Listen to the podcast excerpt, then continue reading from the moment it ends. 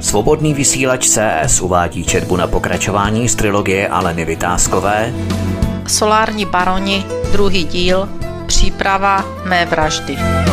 Čte Alena Vytázková Kapitola 11. Když se daří, tak se daří. Zlo zabilo Kamilu. Té noci opouštěl Prahu také Sergej. Spokojen s odvedenou prací, vše beze stop, kapsa plná peněz, jak říkal svému příručnímu kufříku, napěchovanému penězi a nové debetní kartě, která ho hřála na prsou. Těšil se do Karibiku. Falešný pas si otestoval v Praze bez problému. Rozhodl se, že další let ve Frankfurtu zruší. Koupí si letenku na jiné jméno a také do Teploučka. Zatím asi někam do Ázie – Dlouho jsem tam nebyl, přemýšlel nájemný vrah se sluchátky na hlavě a poslechem vážné hudby. Byl velmi zkušený, než aby po sobě zanechal stopu. Věděl, že lopata o jeho původních letenkách ví, ale neví o dalších pasech a také nemusí vědět, nikdo nemusí vědět, kam skutečně si zajede odpočinout. Člověk nikdy neví, co se zvrtne a klidně usnul s myšlenkou, že si zaletí někam třeba do barmy. Neměl chuť riskovat. Kdyby se něco nepovedlo, aby ho uklidová četa odstranila jako jediného svědka a vykonavatele zločinu v jednom. Pár hodin předtím Richie a Rony sledovali Sergeje už k lesu, kde hodil nějaký pytel přes rameno a táhl se s ním hlouběji do lesa. Oba se nadurděně dívali jeden na druhého a Richie jen mezi zuby procedil. To je svině, tak i na pytlačení chodí sám a my pro něj nejsme dost dobří. Je tak nenažraný, že by ho měl chytit hajný. A odplivl si. Bylo období, kdy si se Seriožou nebo Sergejem každý mu říkal jinak, rozuměli víc. Jejich útoky na zvěř a pak černý prodej byla jedna z jejich výdělečných činností. Byl to výnosný obchod. Serioža uměl krásně zvěř vykostit, vyvrhnout, stáhnout a dokonce precizně boural maso. Bylo to tak lepší. Vydělali si podstatně více peněz. Práci prováděli čistě, takže se na ně dlouho nemohlo přijít a také nepřišlo. Nenechávali za sebou stopy, jako ti primitivní pytláci. Tak nazvali svoji konkurenci, která dokázala zabít zvíře i březy, která dokázala zvíře vyvrhnout přímo v lese, od těchto metod se oni hluboce distancovali. Jak to sami hodnotili, dělali čistou práci. Proč je ale Sergej vynechal z kšeftu, tak to si nedokázali vysvětlit. Vždyť část černé Obchodní sítě měli pod svým dokonalým vlivem a dokonce i hrabě byl s nimi spokojen. Byli oba naštvaní a vůbec je nenapadlo, že tentokrát Sergej lovil úplně něco jiného, že se jedná o lov na člověka. Byli naštvaní a nahlas přemýšleli. Že by je z pytlačení vyloučil sam lopata, brumlal si napůl pro sebe Riči. Podívali se na sebe a bez slov a bez dalšího se vydali ještě té noci do Olomouce.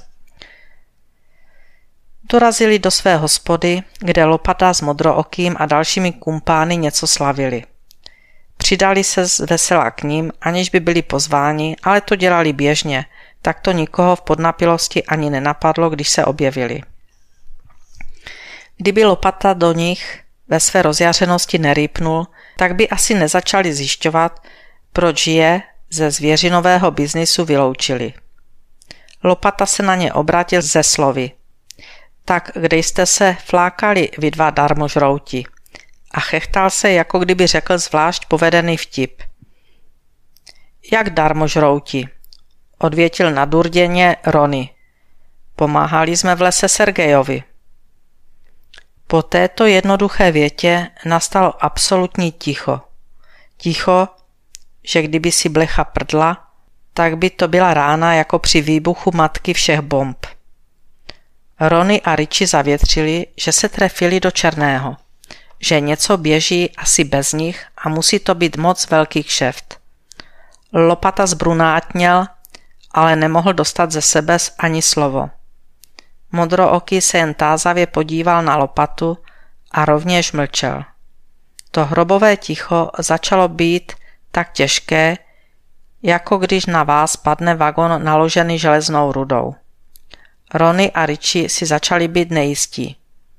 Nikdo již nepromluvil. Nalili si další whisky a tiše pili. Těsně nad ránem se tiše rozešli a nikdo z přítomných si nebyl jistý, co vše ten druhý ví. Rony a Richie usoudili, že na své chlebodárce nebudou raději vyvíjet tlak, proč je již na pytláctví nepotřebují. Oběma to bylo ale hodně líto. V tu noc v olomoucké restauraci si lopata a hrábě mnuli ruce a se slovy když se daří, tak se daří, slavili konec éry hnusné Kamily, která jim způsobila v posledních týdnech bezesné noci, když jim obsadila jejich úřad a dokonce ho chtěla řídit. Dobře i tak, končil již značně podnapilý lopata, když se k ránu objímal s hráběm. Měla táhnout a mohla si klidně žít v tom prdelákově. Ten večer neskoumali, co ti dva vědí nebo nevědí o Sergejovi a jeho akci. Byli si jisti, že kdyby mu pomáhali, nebudou se chválit.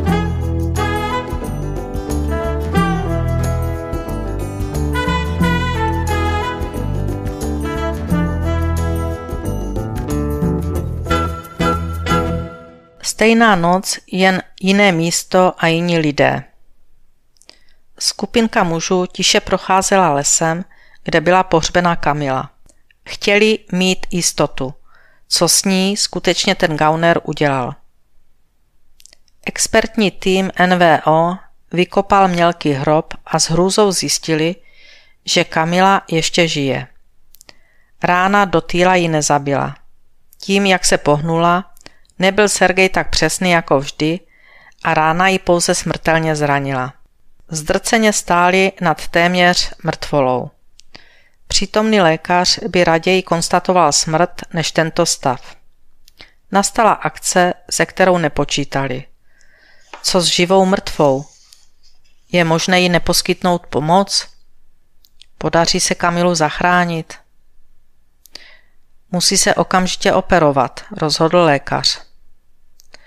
Nastala akce na její záchranu, kterou NVO spustila a všichni přítomní věděli, že jakýkoliv krok bude velmi riskantní nejen pro její život, ale i pro jejich organizaci v případě jakéhokoliv vyzrazení.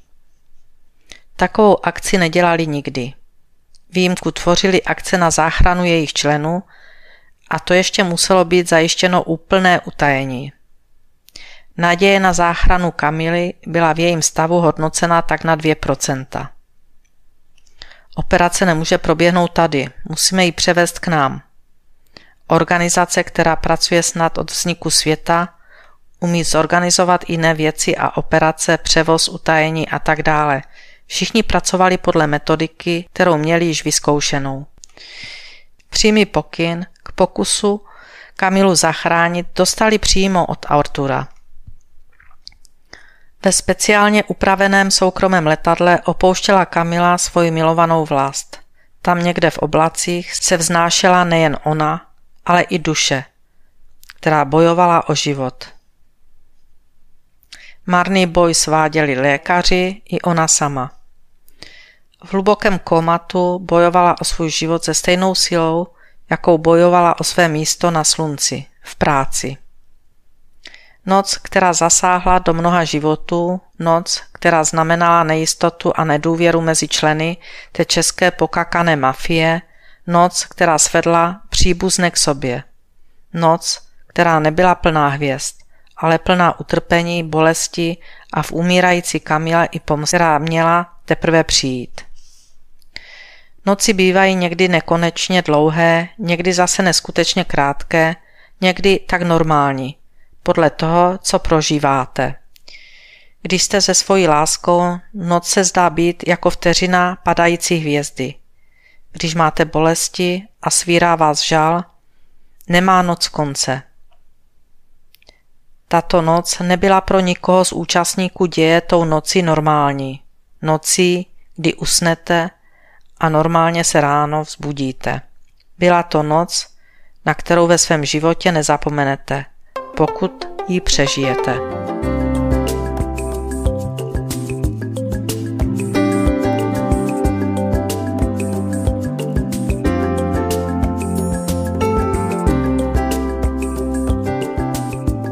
Kamila byla utýrána svým okolím, systémem jen škašle na lidi. Všudy přítomné zlo zabilo Kamilu.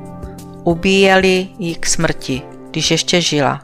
Zabíjeli ji pomaloučku. Ústrky, nemožnosti studovat, dehonestací. Zabíjeli pomaloučku.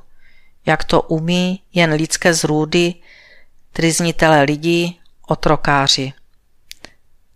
Ta lidská svoloč zabila Kamilu, svoloč, která by se ráda pasovala do vyšších vrstev, ale na to nemá.